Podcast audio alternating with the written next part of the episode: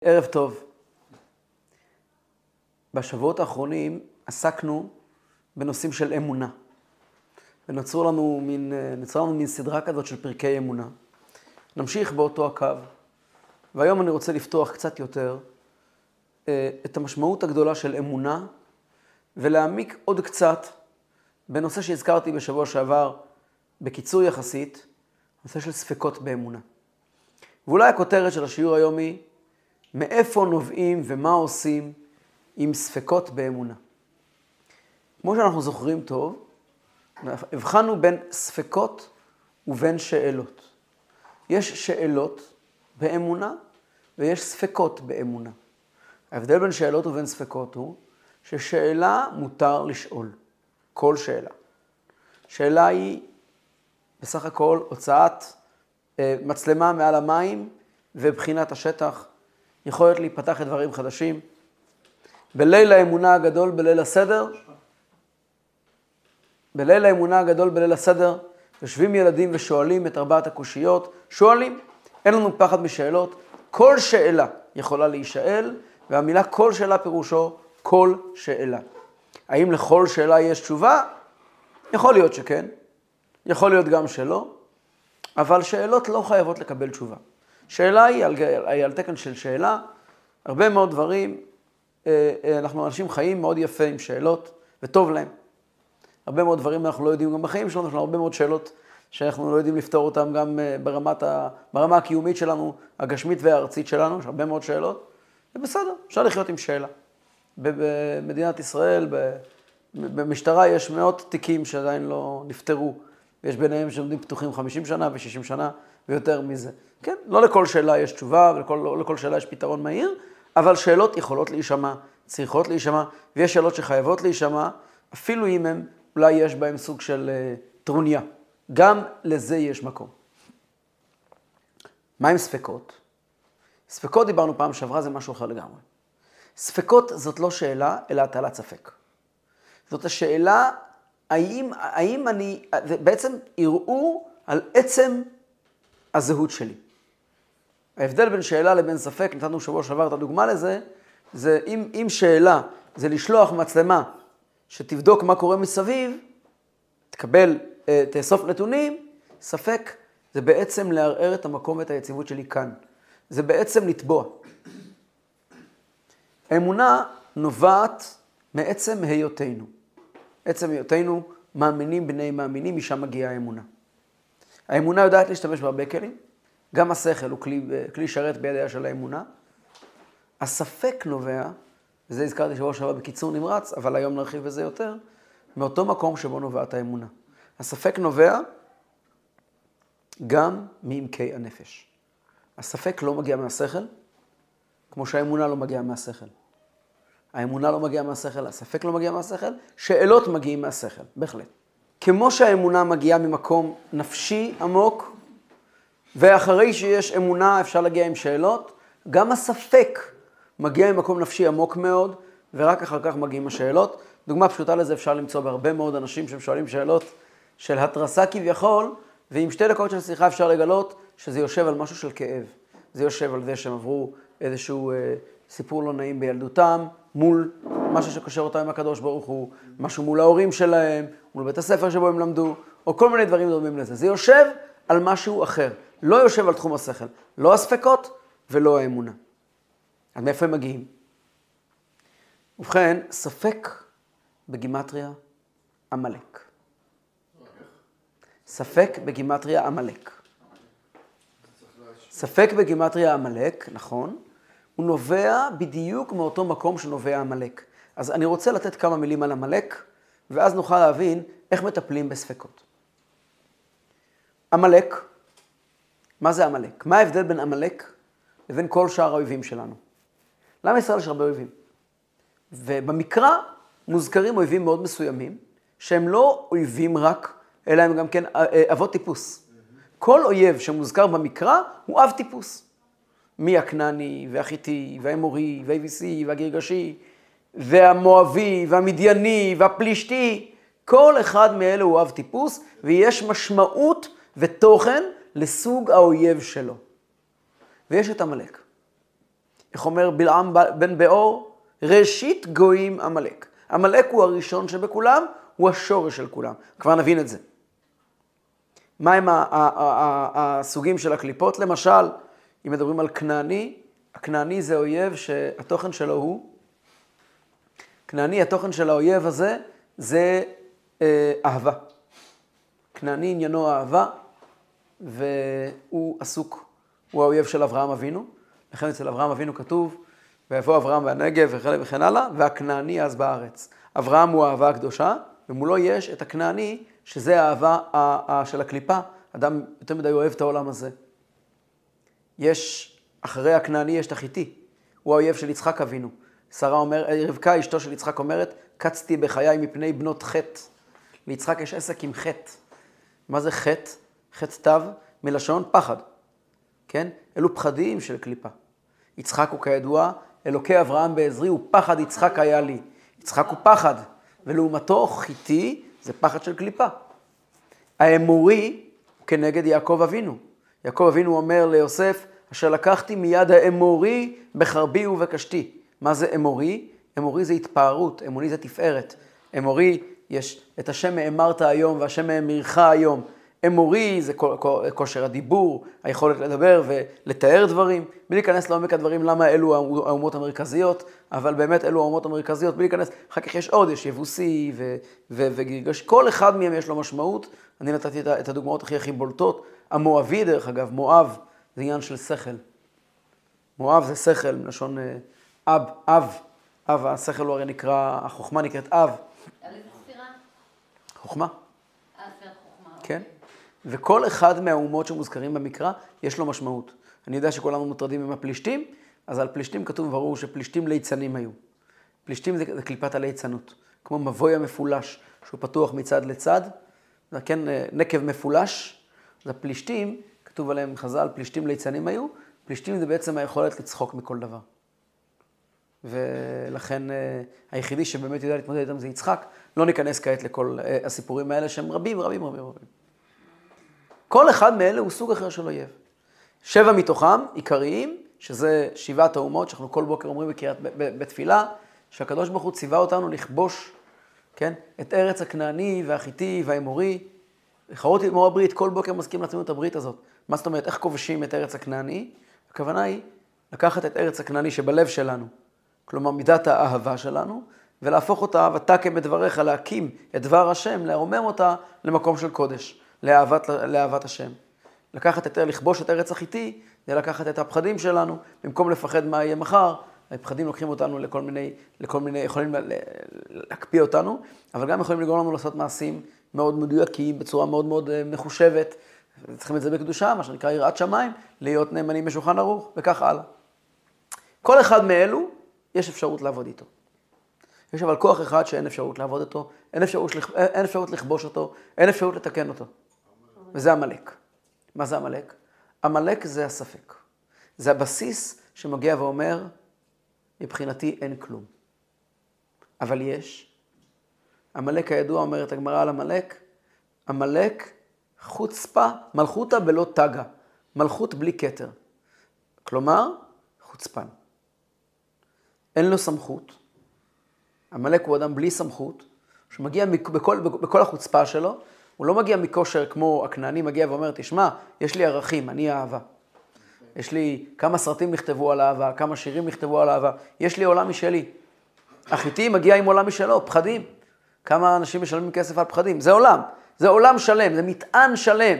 הוא יכול להיות שייך לקדושה, יכול להיות, יכול להיות שייך לטומאה. העמלקי אין לו כלום, אין ארץ עמלק. יש ארץ הכנעני, אין ארץ העמלקי. עמלק אין להם ארץ. יש מקום שנקרא שדה עמלקי, מקום שבו הייתה מלחמה עם עמלק. עמלקים אין להם בדיוק יישוב שהיה להם איזושהי עיר אחת בימי שאול המלך, בגדול הם נוודים. הם נוודים והם חוצפנים. התפקיד שלהם זה להטיל ספק. תמיד לבוא ולערער את היסודות. ועמלק, במובן הכי עמוק שלו, הוא בעצם השורש של כל האומות, כי הוא בעצם השאלה, כל שאלה, כל, כל בעיה שיש לנו בחיים, כל, כל מקום שאנחנו הולכים ללמידה רעה, שורש הדברים הוא בסוג של אה, חוסר התחשבות, אה, איזושהי חוצפה. ועמלק הוא חוצפן. והחוצפן לא אכפת לו מ... אל תבלבל אותי עם עובדות. דוגמה פשוטה לזה, 7 באוקטובר. הגיעו אלו שהגיעו יימח שמם וזכרם, והרגו, וטבחו, ושהשם ישמע מה שהם עשו. לבוא אחר כך בפנים גלויות מול כל העולם ולומר, לא קרה שום דבר, לא היה, זה בדיוק עמלקי. עמלקי זה לא מי שטובח והורג. לטבוח ולהרוג זה סיפור אחד. עמלקי זה מי שמגיע ואומר, אני שמעתי מה שקרה, ראיתי את הסרט, לא היה. עכשיו, איך תתווכח איתו? אחד מהתסכולים הכי גדולים שלנו, אתה לא יכול להתווכח איתו. איך תתווכח איתו? הוא אומר לך, לא היה, נו, איך תתווכח איתו? הוא יודע טוב מאוד את האמת, אבל הוא מטיל, הוא כל פעם עסוק בלבלבל, בלהטיל ספק על עצם העניין. הוא מטיל תמיד ספק על עצם העניין. אנחנו כבר נבין את זה עוד יותר טוב כשנתקדם בהבנת הדברים. למעשה, האמונה, אמרנו כבר לפני כן, היא משהו שאין בו שכל. זה כמו ילד שעומד על הידיים של אימא שלו ומחבק אותה חזק, חזק, חזק. זאת אמונה. עמלק זה בדיוק הפוך. זו אותה תכונה, בלי שכל, של להתנגד למשהו חזק, חזק, חזק. והמלחמה בעמלק היא בלתי אפשרית, כי מה שלא תגיד לו, ומה שלא תענה לו, ומה שלא תסביר לו, הוא יצחק ממך בפרצוף. עם כל אחד אחר אתה יכול לקיים דיאלוג. אתה יכול לקיים דיאלוג עם הכנעני ועם החיטי, אתה יכול לבוא ולדבר על, יש איזה שהן נקודות מפתח, איזה שהן נקודות הסכמה, אפשר לדבר, אפשר לדון, עם עמלקי אפשר לדון. הדוגמה הטובה ביותר לעמלק בימינו זה היטלר. היטלר בכלל לא התעסק בשאלה האם היהודים ראויים או לא ראויים, הוא לא היה עסוק בלהוכיח שום דבר. היהודים הם הדבר הכי רע בעולם, צריכים להרוג אותם, נגמר, סוף פסוק. הדבר הזה, שהוא רוע מוחלט, רוע מזוקק.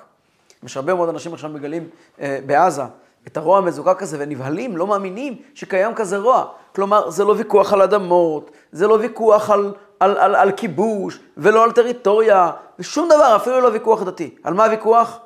אנחנו שונאים יהודים, צריכים להרוג אותם, נקודה. אז כמו שזה קיים במרחב בחוץ, ככה זה גם בנפש, קיים בנפש. הכוח הזה שנקרא עמלק, זה כוח שמגיע ואומר, זה ראשית גויים, זה השורש לכל הבעיות, זה כוח שמגיע ואומר ומטיל ספק ושואל, שאלה אחת בלשון הפסוק, היש השם בקרבנו עם עין. כלומר, האם האלוקות, יש לי קשר איתה, או אולי בכלל לא. אולי בכלל לא.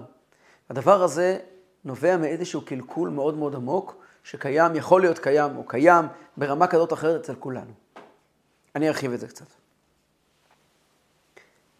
בני ישראל יוצאים ממצרים, המפגש הראשון עם עמלק, אשר קרחה בדרך, ויזנב בך כל הנחשלים אחריך. בני ישראל יוצאים ממצרים. מצרים, בני ישראל נמצאים במצב גרעיני, קטן, מצומק, כן? בני ישראל מתייבשים במצרים על עצמם, רואים רק עצמות. יוצאים משם מוזלמנים, מבחינה רוחנית. אין להם שום אופק, אין להם שום דבר. תיגש ליהודי במצרים, תשבקש ממנו, יש לך דבר תורה על פרשת שבוע? אין פרשת שבוע. לא יודע מה זה פרשת שבוע. אתה יכול לדבר איתי על הקדוש ברוך הוא משהו? לא שמעתי על הקדוש ברוך הוא מעולם. כן? הם, הם מסתובבים במצרים, יודעים שיש הקדוש ברוך הוא, הם יודעים שהם בני אברהם, יצחק ויעקב, ומעבר לזה הם לא יודעים כלום. הם נמצאים ב-49 שערי טומאה. מה זה 49 שערי טומאה? שבע כפול שבע. כלומר, שבע מידות, שהם חסד, גבורה, תפארת, אהבה ויראה וכן הלאה, בכל ההיבטים שלהם. כל היבט שרק יהיה, הם נמצאים במקום לא טוב. אבל הם בעצמם, הגרעין עצמו של האדם, מחובר עם הקדוש ברוך הוא. זה נקרא מצרים. זה מקום מאוד מאוד קטן, אין שום הסבר, שום אופק, מין כמו תרמילים כאלה שיודעים לשמור את עצמם, תרמילי זרע של אה, כל מיני צמחים שיודעים לעבור אה, ברוח ולהתגלגל בכל מיני מצבים או בכל מיני מזגי אוויר, להיות מקופלים בתוך זרע קטן ולבקוע כאשר יגיע השמש והאור והמים והחום ולהפוך להיות אה, אילן נושא פרי. בני ישראל במצרים מכונסים בתוך נקודה, אין בכלל, אין פה יהודי, איך אמר מי שאמר? הם שכחו מה זה להיות יהודים. אין פה כלום. תיגש אליו, אין כלום. לא תורה, לא יראת שמיים, לא מצוות, לא אהבת השם, לא אהבת ישראל, כלום, כלום, כלום. מה יש כאן? גרעין. מה יש בגרעין? אמונה. אמונה. לכן ישראל ומצרים מאמינים גדולים, ויאמן העם. עד היום, אם אתם רוצים לראות אמונה בחביות, לכו לאנשים שיש להם מה שפחות זהות, יש יותר אמונה. האמונה היא בגרעין. ככל שיש פחות איש ויותר, ומתקרבים יותר לגרעין, רואים יותר את האמונה. את האמונה קיימת יותר אצל אנשים שיודעים פחות. אה, שיודעים פחות. שיודעים לא פחות. אה, ש- לא, האמונה קיימת בדרך כלל יותר אצל אלה שיודעים פחות, ואצל אנשים פחות, אה, פחות אה, מתוחכמים ופחות עם, כן? אמונה יש לכולם, אבל האמונה ככה יכולה להיות דבר מאוד מאוד מוביל, דווקא אצל הסבתא הזאתי שהגיעה מחוץ לארץ ולא יודעת לקרוא קרוא וכתוב, היא כל כולה אמונה, כן? כי האמונה, ככל שאתה מוסיף דברים, אתה מתרחק מאותו גרעין ש, ש, של מצרים. הקדוש ברוך הוא אומר למשה רבינו במעמד ההר סיני, מעמד הר חורב, כן, במעמד הסנה, אתה תצא, אני רוצה להוציא אתכם מעוני מצרים, מהמקום הקטן הזה, הגרעיני הזה, ולקחת אתכם לאן? אל ארץ טובה ורחבה. מעוני מצרים. נכון, נכון, נכון. לקחת אתכם מעוני מצרים, מנקודה גרעינית לארץ טובה ורחבה. מה זה ארץ טובה ורחבה? ארץ טובה ורחבה זה מצב ההפוך. אדם שעליו נאמר, וצדיק באמונתו יחיה. מה פירוש יחיה? כל כולו אדם שחי אמונה. אדם מלא ביטחון בשם, אדם בעל אופקים רחבים, עם הרבה תורה, עם הרבה מצוות, עם הרבה דרך ארץ, עם התמסרות ליהודים אחרים, עם אהבת ישראל, עם אהבת השם, והכל ספוג באמונה. כלומר, הגרעין הזה שכעת קיים במצרים כגרעין, מטרת היעד הוא שהגרעין הזה יהיה ארץ טובה ורחבה, ימלא את כל האישיות שלכם. זה יהיה כשמשיח יבוא. בדרך, מהיציאה מהגרעיניות הזאת אל ההגעה למצב שאתה כולך אמונה, יש דרך מאוד ארוכה. בדרך הזאת, אז אני קצת נפרד מהגרעין לטובת התפתחות. וההתפתחות הזאת היא שאני מתחיל להכיר את עצמי ולגלות את עצמי, פה אני פוגש את עמלק. אשר קרחה בדרך, בצאתכם מארץ מצרים. זאת אומרת, כשתיגש לאותה סבתא זקנה, שלא לא יודעת קרוא וכתוב ומדברת עם הקדוש ברוך הוא בערבית עם יד על המזוזה, ותתחיל להגיד לה שטויות, כל מיני דברים לא מתאימים, היא תקלל אותך ותירק עליך ותצעק עליך ואין בכלל מה לדבר. תיגש לאיזה צדיק גדול מאוד שנמצא במצב של ארץ טובה ורחבה, ותדבר איתו, תסתכל עליך מי אתה בכלל. אבל בדרך בצאתכם ממצרים, יש המון המון המון פרקים שמגיע מגיע עמלק. עמלק תמיד מגיע ומטיל ספק, ומה הספק שהוא מטיל? היש השם בקרבנו עם מים. כי בעצם האדם מתמודד עם השאלה,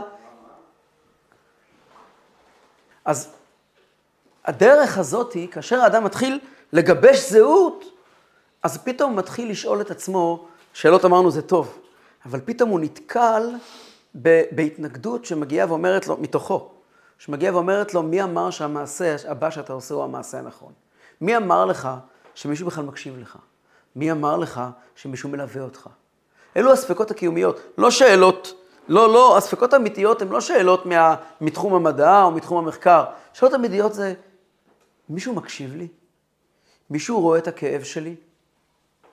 ומאוד מאוד מעניין. כשיוצאים ממצרים, עוברים את ים סוף, וחווים את החוויה הכי גדולה שיכולה להיות, זה לי ענו ואמרו, גילוי שכינה מוחלט, ויבוא עמלק. שלב אחרי זה מגיע עמלק. עמלק מגיע ותופס אותנו, ורגע אחרי זה, למה? עמלק יודע לתפוס ויזנב בך כל הנחשלים אחריך.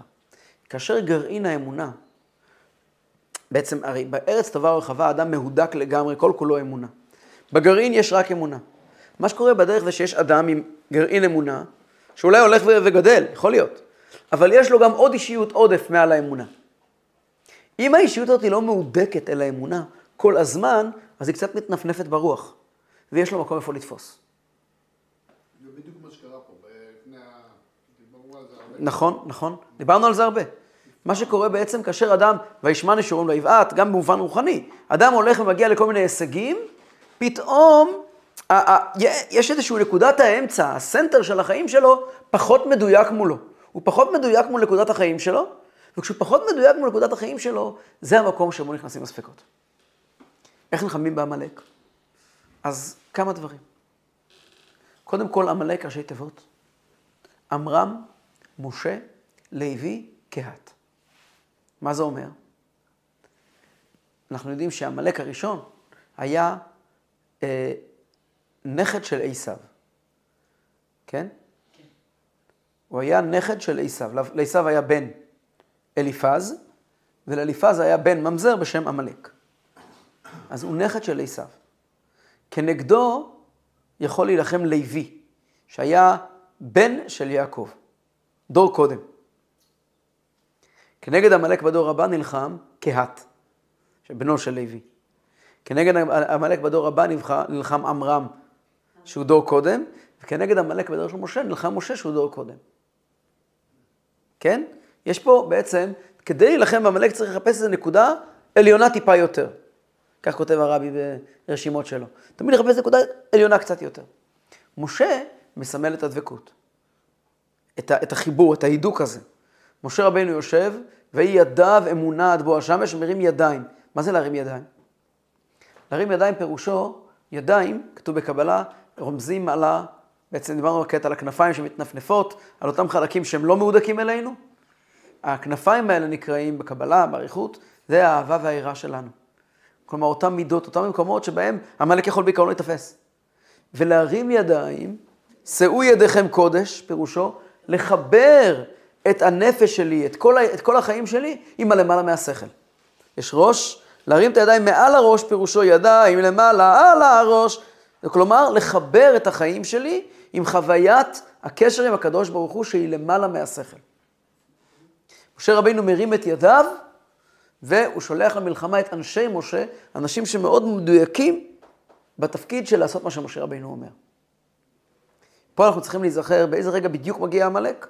כתוב בפסוק, וייסעו מרפידים. וייסעו ירפידים, אומרים חז"ל, שרפו ידיהם מדברי תורה. מה פירוש רפו ידיהם מדברי תורה? סבבה בחסידות הם למדו תורה. הם לא הפסיקו ללמוד תורה. רפו ידיהם מדברי תורה. ידיים, הפעם במובן של מעשים, הם לא התעסקו עם ההלכה. הם לא התעסקו עם החלק הפרקטי של התורה.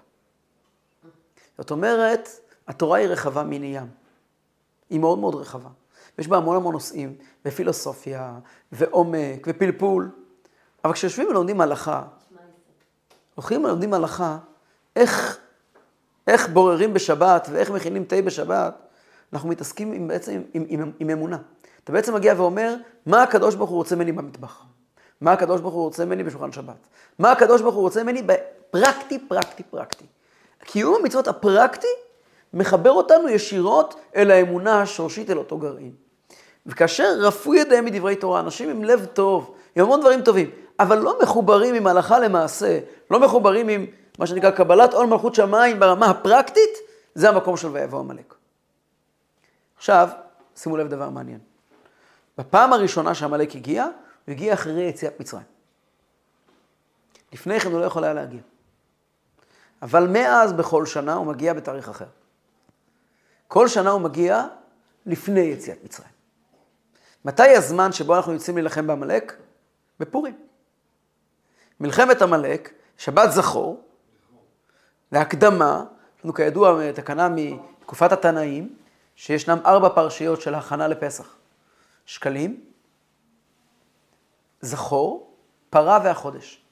אלו ארבע פרשיות, ארבע, ארבע אה, אה, מדרג של ארבע, אה, אה, סולם של ארבע שליבות, שלוקחים אותנו בעצם אל, אל פסח, חג האמונה.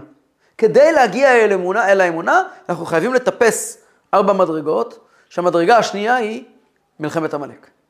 נכון? המדרגה הראשונה זה שקלים, אולי בהזדמנות, אולי שבוע הבא נדבר קצת יותר על שקלים. המדרגה השנייה היא זכור, המדרגה השלישית היא, היא פרה, והדרגה הרביעית היא החודש. ו, ובלי זה אי אפשר להגיע לפסח. כלומר, אנחנו מקדימים את ההתעסקות עם עמלק חודש קודם. למה? למה לא מחכים עד אחרי פסח? אז קודם כל זה פשוט, אנחנו רוצים לתת את המכה הראשונה. למה לחכות שהוא יבוא לתקוף אותנו? אנחנו נתקוף אותו, זה הגיוני. אבל למה קודם? אז מוסבר שאחרי שכבר יצאנו ממצרים וקיבלנו את התורה, הכלים שלנו להילחם בעמלק, בעצם המצרים, הקדוש ברוך הוא עושה חסד, שעמלק לא הגיע למצרים, ושאף אחד, עמלק לא תוקף אותו כשהוא גר- גרעיני, גם כי זה בלתי אפשרי וגם כי אין לך איך להתעסק איתו. כדי שתוכל להתעסק עם עמלק, אז אתה צריך בידיים שלך, אתה צריך איזשהו חיבור לקדוש ברוך הוא. משהו שאתה יכול לעשות.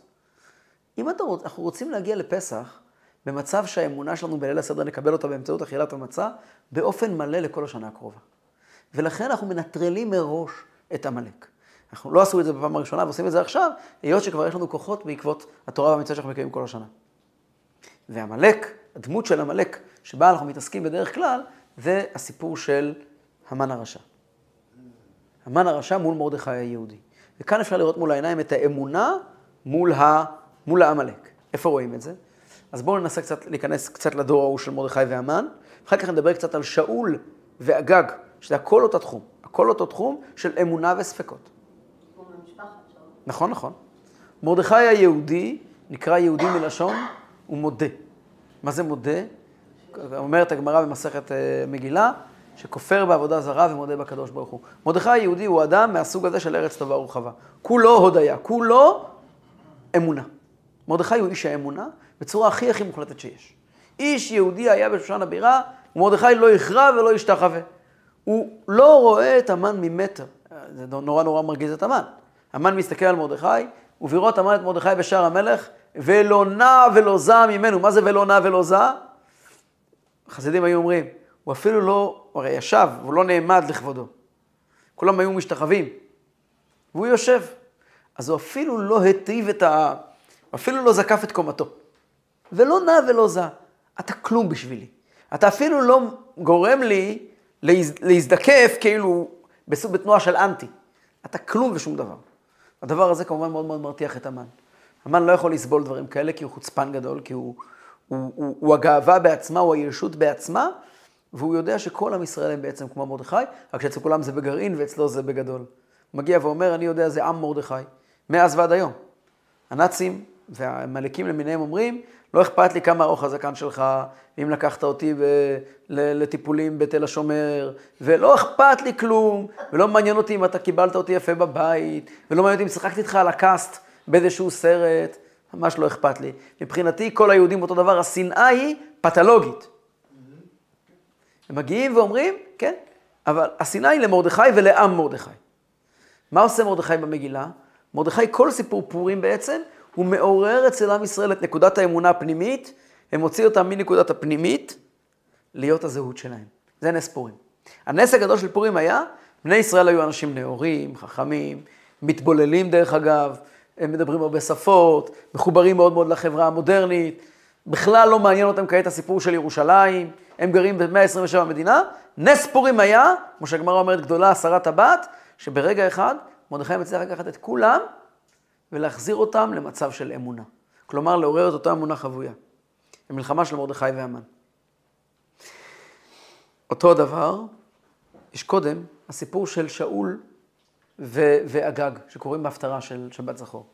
שאול ואגג, שאול הוא אדם שלם. כתוב בן שנה שאול במלכו לא היה לו חטא. אגג הוא הרוע המוחלט. איפה שאול נופל שם? שאול נופל שם.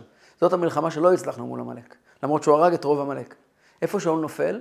אומרים חז"ל, שאול הלך אחר הטעם. שאול הלך עם היגיון. הוא לא זכר שבעמלק נלחמים בלי היגיון, כמו מרדכי. לא קם ולא זע. ככה וזהו זה. ככה וזהו זה, לא, אתה לא יכול לענות לספק בשפה של היגיון. זו הייתה הטעות שלו. אצל מרדכי זה לא היה. בעצם זה התחיל תקופה חדשה בעם ישראל. דבר מאוד מעניין, בליל הסדר, שאנחנו כל שנה וחדש מקבלים את האמונה, מקבלים אנרגיות חדשות של אמונה לשנה, לשנה נוספת, כתוב בשולחן ערוך דבר מעניין. למחרת ליל הסדר, ליל הסדר מתרחש בט"ו בניסן. ט"ז בניסן, מה קורה בט"ז בניסן? מתחילים לספור? ספירת העומר, נכון? בחוץ לארץ זה עדיין חג. כן? כתוב בשולחן ערוך שביום השני של, של פסח צריכים לעשות סעודה מיוחדת. צריך להוסיף בסעודה, עושים מכל כך סעודת יום טוב. לא בארץ, אבל לא חוץ לארץ, עושים סעודת יום טוב. גם בארץ צריכים לעשות את זה. צריכים להוסיף עוד מאכל מיוחד. למה? כי זה היום שבו נתלה המן. המן נתלה ביום השני של פסח. מתי נתלה המן? בתפר שבין יציאת מצרים לבין התחלת ספירת העומר. ספירת העומר זה לספר ולגלות מלשון אור, אבן ספיר. לקחת את האמונה שקיבלנו בליל הסדר ולספר אותה חזרה ל-49. אמרנו, היה להם שער הנון, לקחת את שער הנון הזה, שמקבלים אותו בליל הסדר ככה על מלא, ולפזר אותו בכל, בתוך כל החיים. רגע לפני שעושים את זה, הורגים את, הורגים את המן. כי אחרת אי אפשר.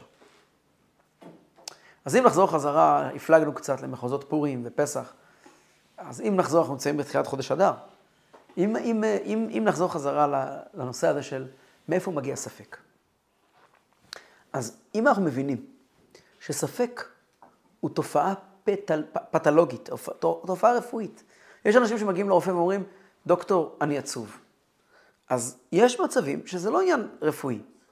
אתה צריך פשוט לעשות דברים משמחים, אתה תהיה שמח. יש מצבים שצריכים לקחת תרופות. יש מצבים שהעצבות נובעת מבעיה רפואית, מבעיה כימית. עמלק זו בעיה רפואית. עמלק זו פשוט בעיה כימית. ספקות, אני מבדיל בין ספקות לשאלות. ספקות נובעות ממקום של איזשהו קלקול מאוד מאוד עמוק. לפעמים אתה מגיע לרופא, הבעיה היא, יש לפעמים שהסיפור הוא סיפור לפסיכולוג, ויש לפעמים, לפעמים הסיפור הוא סיפור לפסיכולוג, לפעמים זה סיפור לפסיכיאטר. ההבדל בין פסיכולוג לפסיכיאטר, זה ההבדל בין כל מחלות הנפש שיש לנו, כנעני, חיטי, אמורי, פריזי ויבוסי, לבין עמלק. עמלק זה לא סיפור לפסיכולוג, זה סיפור, סיפור לפסיכיאטר. אם אדם מגיע ואומר, יש לי משיכה לתאוות, זה פסיכולוג. יש דרכים לטפל בזה. תלמד תעניה, נטפל בך. יש בן אדם אומר, אני מאוד פוחד מה יהיה מחר, אפשר לטפל בזה. בן אדם מגיע ואומר, בתניא, הכל דרך התניא. אדם מגיע ואומר, אני, יש לי ספקות על עצם העניין, זה כבר לא פסיכולוג, זה כבר פסיכיאטר. יש כאן בעיה הרבה יותר עמוקה. שממה היא נובעת? בדרך כלל מדברים מאוד טכניים. הרבי הרש"ב כותב, הוא צריך לבדוק תפילין ומזוזות. כדאי לבדוק על כשרות האכילה והשתייה. האם הוא נולד בטהרה? זאת אומרת, ספקות נובעות מאיזשהו שיבוש מאוד מאוד עמוק. שהדרך לבדוק אותו פשוט צריכים לבדוק תפילין ומזוזות. צריכים שבת זכור מספר תורה כשר, בשבת זכור. צריכים, יש פעולות ממש טכניות. היה כידוע בתקופת אה, עם ישראל היה בספרד, תקופה האחרונה, אחרי גזרות קנה, כן? כמו שאתם בטח יודעים, בין 1492 ל-1391 היו כמעט 100 שנים של רדיפות קשות של עם ישראל בספרד. והייתה שם המרת דת מאוד מאוד מאוד רחבה. פעם שאלו את בעל התניא שאלה. היה שם המרת דת המונית, המונית, המונית. שאלו את בעל התניא, איך הם הגיעו לכזו המרת דת? הרי כתוב בתניא שיהודי מוכן למסור את נפשו על קידוש השם. בעל התניא ענה, ככה כתוב בספרים לא של חב"ד, אבל כך קראתי פעם, שהוא ענה כי הם היו אוכלים חלב נוכרי. אנחנו יודעים שחלב נוכרי מביא לבעיות כאלה. אותו דבר מהרבי ראיתי שהרבי כותב בנוגע למצות מכונה. שמצות מכונה, היות שהאמונה מגיעה מהמצה, אז מצות מכונה זה דבר שיכול לפגוע בענייני אמונה. בענייני אמונה לא משחקים. לכן, למשל כשאפילו יש תינוקות קטנים, צריכים לקחת תחליפי חלב, אז יש הרבה דברים שהם ילדים מקלים איתם. אבל בכל מה שקשור לתזונה, לא מקלים עם ילדים, אדרבה. מחמירים איתם יותר מאשר אפילו מבוגרים. כי הם כל כך רכים, כל כך אה, עדינים, אז צריכים לתת להם דווקא חלב כשר. כי חלב לא כשר יכול לגרום להם לבעיות. פעם הרבי באמצע ההתוועדות דיבר, יש רש"י בפרשת בראשית, שאומר, מכאן תשובה לקושיית המינים. כלומר, אפיקורסים שואלים כזו וכזו שאלה, פה יש תשובה לשאלה שלהם. אז רבי שאל פעם באמצע ההתוועדות את החסידים, רש"י נכתב עבור ילד בן חמש למקרא. איזה ילד בן חמש שואל שאלות של אפיקורסים? למה רש"י צריך לערבב אותו עם אפיקורסים פה באמצע הלימוד? ילד קטן. אז הרבי פשוט צעק ואמר, רש"י בא לומר למלמד, אם ילד שואל כזו שאלה, תברר מה הוא אוכל. ותשאל אותו, מתי פעם אחרונה אכלת חלב עקום, חלב נוכרי?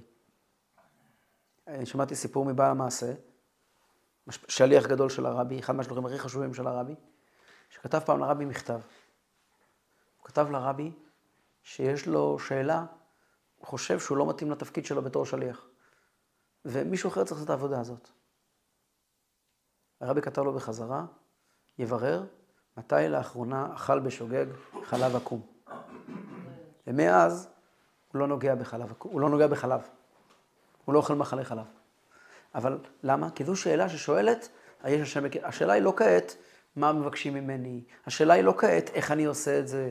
השאלה היא לא כעת, ראיתי מקום שאומר אולי הפוך. זאת לא השאלה. זאת הייתה שאלה על עצם הקיום שלי. עצם הקיום, לא שואלים שאלה. אם אתה שואל, משהו שם לא יושב נכון. רש"י על הפסוק של ויבוא עמלק מביא משל נפלא לזה. רש"י מספר שם למה עמלק הגיע בפשט. אז כתוב שם, פסוק לפני כן כתוב שעם ישראל שאל, היש השם יקבנו עם עין. אומר רש"י, משל למה הדבר דומה? וזה בדיוק הדבר. אם אנחנו רוצים לדעת מתי עמלק הגיע, רש"י מאוד מאוד יפה שמסביר את הדבר. משל למה הדבר דומה? אבא שלקח את הילד שלו לבית, ל, ל, לרפות אותו, לבית רפואה. הוא לוקח את הילד על הכתפיים, והולכים. והילד מבקש לאכול, אני צמא, תביא לי מים. אבא הולך, קונה לו מים. אה, אני רעב, תביא לי משהו לאכול, נותן לו במבה. עוד משהו צריך נותן לו. מגיע הכלבים, ואבא מטפל, מתעסק איתם, והילד על הכתפיים. ופתאום עובר שם מישהו, והילד שואל אותו, תגיד לי, ראית אולי את אבא שלי באזור? ואז האבא לוקח את הילד ומוריד אותו, ומגיע כלב ונושך אותו. וזה ויבוא עמלק. והנמשל, בני ישראל יוצאים ממצרים, אין להם הוכחות. הם רק עברו את ים סוף, ורק שותים מים מבארה של מרים, ורק אוכלים את המן, ושואלים, היש השם בקרבנו עם עין? סלב. סלב. ושואלים, היש השם בקרבנו עם עין? עכשיו, מאוד קל לנו לצחוק עליהם לפני שלושת אלפים שנה. אנחנו כולנו באותו מקום. נכון. אנחנו יכולים לעמוד ולהסתכל בפליאה על הניסים והנפלאות שנעשים איתנו יום, יום, שעה, שעה, רגע, רגע. הניסים העצומים, ואתם יודעים, כן, כן, בשביעי באוקטובר, מאז ועד היום, רצף של ניסים ונפלאות. עם כל הכאב, עם כל הדם שנשפך, רצף של ניסים ונפלאות, מי שרק רוצה לברר יכול לשמוע את הכל. ולבוא ולשאול, יש פה מישהו? anybody home? זאת בעיה. אתה יכול לבוא ולומר, I know you are here, ויש לי שאלה אליך, איך עשית דבר כזה? זאת שאלה, זה לא ספק. לבוא ולומר לקדוש ברוך הוא, איפה היית שבע שעות בשמחת תורה? איך יכול להיות שעזבת את עם ישראל? זאת שאלה, זה לא ספק. אבל, אבל, אבל, אבל לבוא ולשאול, אני פה לבד, הקמתי מדינה לבד, הרמתי צבא לבד, אני עצרתי את חמאס בכוחות עצמי, שלא יתפשטו לכל מקום בארץ. הרי היה צבא שעצר אותם, נכון? לא להגיע לקריית גת או לכל מיני מקומות. אני הכל עשיתי לבד. האם יש פה עוד מישהו חוץ ממני? זה כבר שאלות שנובעות מבעיה עמוקה יותר. כתוב שהמלחמה האחרונה לפני הגאולה זו מלחמת עמלק. וימי חודש אדר הם ימים שבהם אנחנו מזרזים את עצמנו למלחמה בעמלק. איך, איך נכנסים למלחמה בעמלק? אז דיברנו. הכל מתחיל מ... וילכו מרפידים. אם אנחנו נהיה יותר מחוברים, לא רק לאהבת השם, לא רק לחשוב על הקדוש ברוך הוא ולדבר דברות דיבורים יפים ולראות סרטונים מחזקים, אלא לשאול שאלות הרבה יותר פשוטות. כמו, תגיד לי בבקשה, איך מכינים תה בשבת? כמו, תסביר לי בבקשה, איך מתפללים שחרית? שאלות מאוד מאוד פשוטות, שידייקו אותנו אל קבלת עול מלכות שמיים, ויזכירו לנו בצורה מאוד מאוד חזקה, שאנחנו עם הקדוש ברוך הוא והקדוש ברוך הוא איתנו, ואנחנו רואים הרי ניסים ונפלאות. אז שנראה באמת את הנס והפלא הגדול מכולם, בביאת משיח צדקנו.